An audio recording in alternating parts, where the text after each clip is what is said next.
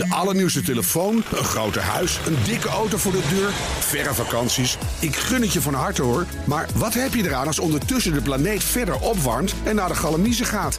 Wil je echt weten hoe het zit en wat we eraan kunnen doen? Luister dan naar BNR Duurzaam. Elke maandag tussen 3 en half 4 op de radio en altijd online als podcast. Want die volhoudbare wereld, die maken we samen. BNR Duurzaam wordt mede mogelijk gemaakt door Milieuservice Nederland. De ondernemende afvalpartner voor zakelijk Nederland. Dit is een BNR-podcast.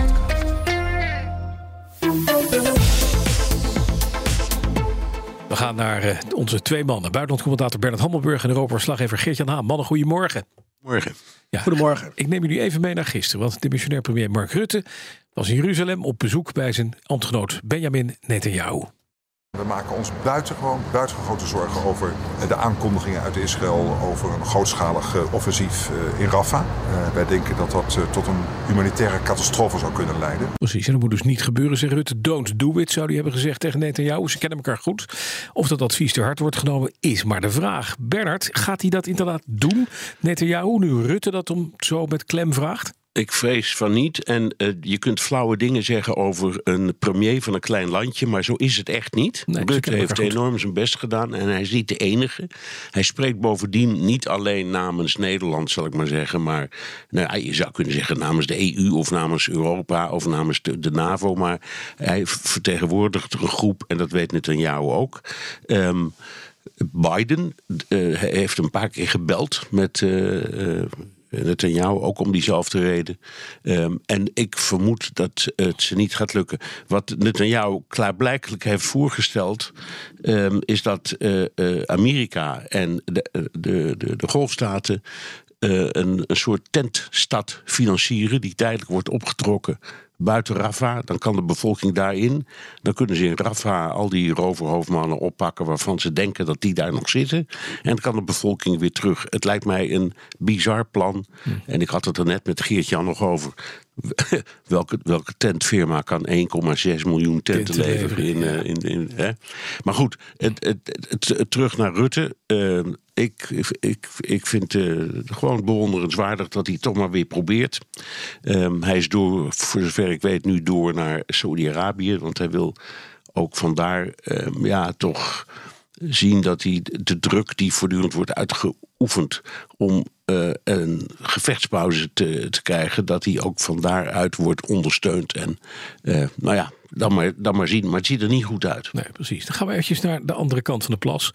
Want Biden en koning Abdullah van Jordanië, die was in, de, in Amerika vannacht, die spraken over onder meer het vrijkrijgen van gijzelaars. Ook over het, een, een ceasefire tussen Israël en Hezbollah-strijders in Libanon. Hè, waarbij ja. Hezbollah 10 kilometer het land in zou moeten. En zich ja. niet meer mag vertonen aan de grens.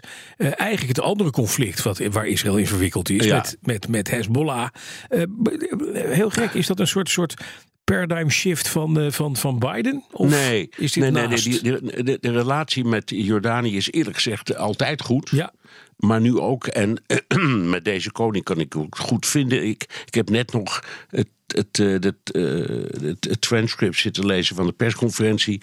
Uh, en dan noemen ze elkaar ook bij de voornaam, wat een beetje koddig klinkt. Hè, als je dus als Biden zegt, ja, Abdullah en ik. Hè. Maar goed, het, het tekent wel de sfeer. En het is ook niet onbelangrijk hoor. Wat ze, het idee wat ze denken is als van weerskanten aan die Libanees-Israëlische grens de, de, uh, zeggen de, de gevechtstroepen zich uh, een stukje terugtrekken. Dan heb je kans dat we dat conflict kunnen doven voordat het echt uitbreekt. Want het is levensgevaarlijk.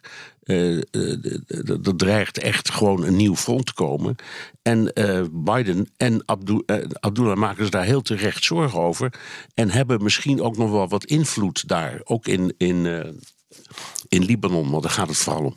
Ja, is, dat is natuurlijk wel het verhaal. We gaan even naar Oekraïne, Gert-Jan. Want Zelensky die plant een rondreis langs de West-Europese hoofdsteden voor meer militaire steun, meldt Bloomberg.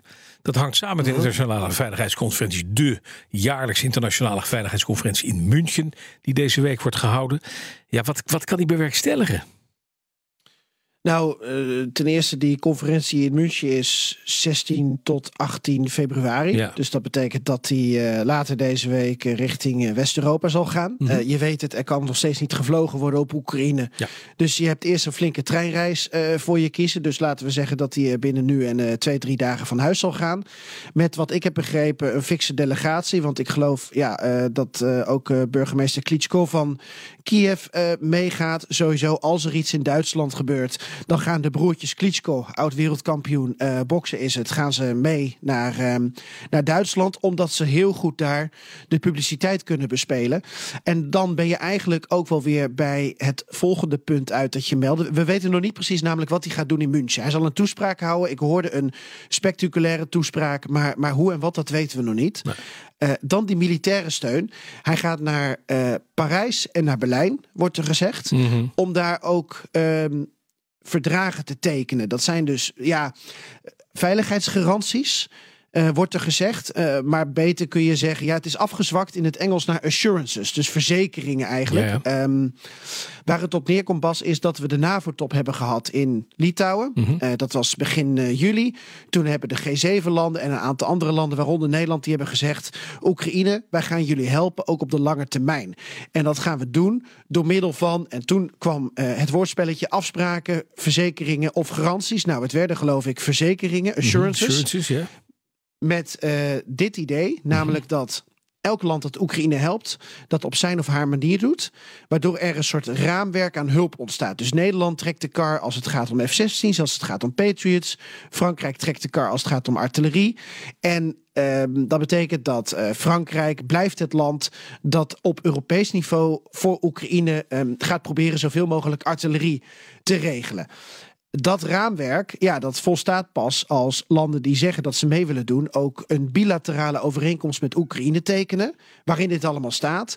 En uh, dat heeft Zelensky met uh, de Britten en de Canadezen bijvoorbeeld al gedaan. En dat gaat hij nu met de Fransen en de Duitsers doen. Mhm. Superbelangrijke timing ook, want ja, ja uh, Trump dreigt de NAVO op te blazen. het moet misschien allemaal vanuit Europa gaan komen, de steun voor Oekraïne als ze langer willen doorgaan. En dat is dus wat, um, wat er waarschijnlijk dan ja, nu gaat gebeuren, dat dat is. Ja, en dat er getekend kan worden. En Nederland is inderdaad F-16's. Even naar het andere, de Amerikaanse Senaat, de overkant van de plas.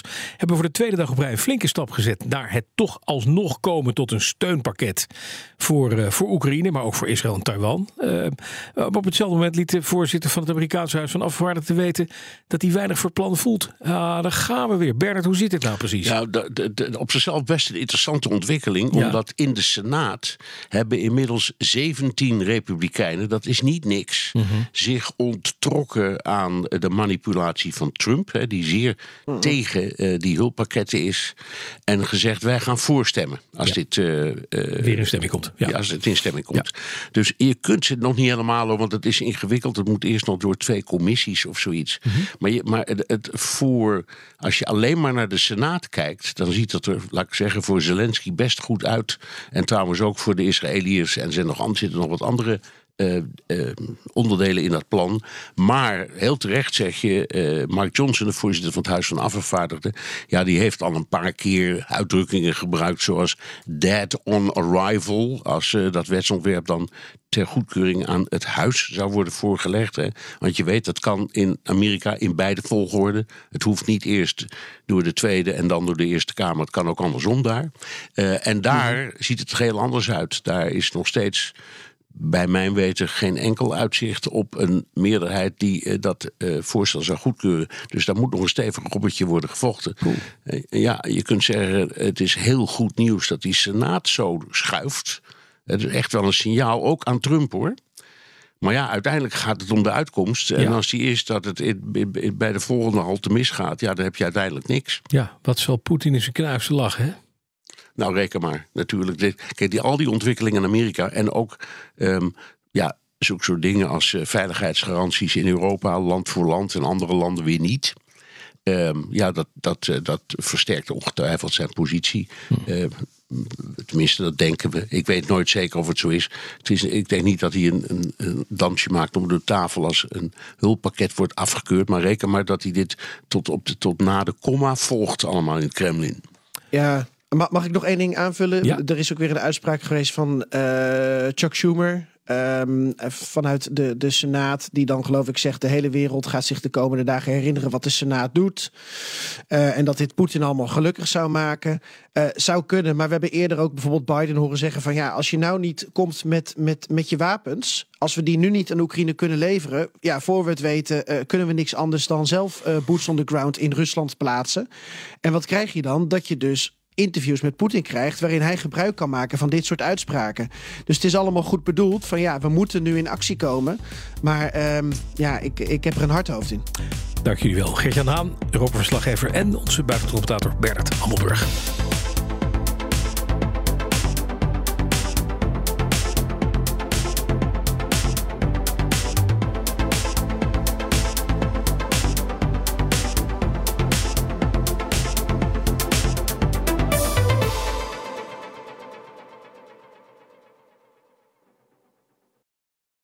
Allernieuwste telefoon, een groter huis, een dikke auto voor de deur, verre vakanties. Ik gun het je van harte hoor. Maar wat heb je eraan als ondertussen de planeet verder opwarmt en naar de galamiezen gaat? Wil je echt weten hoe het zit en wat we eraan kunnen doen? Luister dan naar BNR Duurzaam. Elke maandag tussen 3 en half 4 op de radio en altijd online als podcast. Want die volhoudbare wereld, die maken we samen. BNR Duurzaam wordt mede mogelijk gemaakt door Milieuservice Nederland. De ondernemende afvalpartner voor zakelijk Nederland.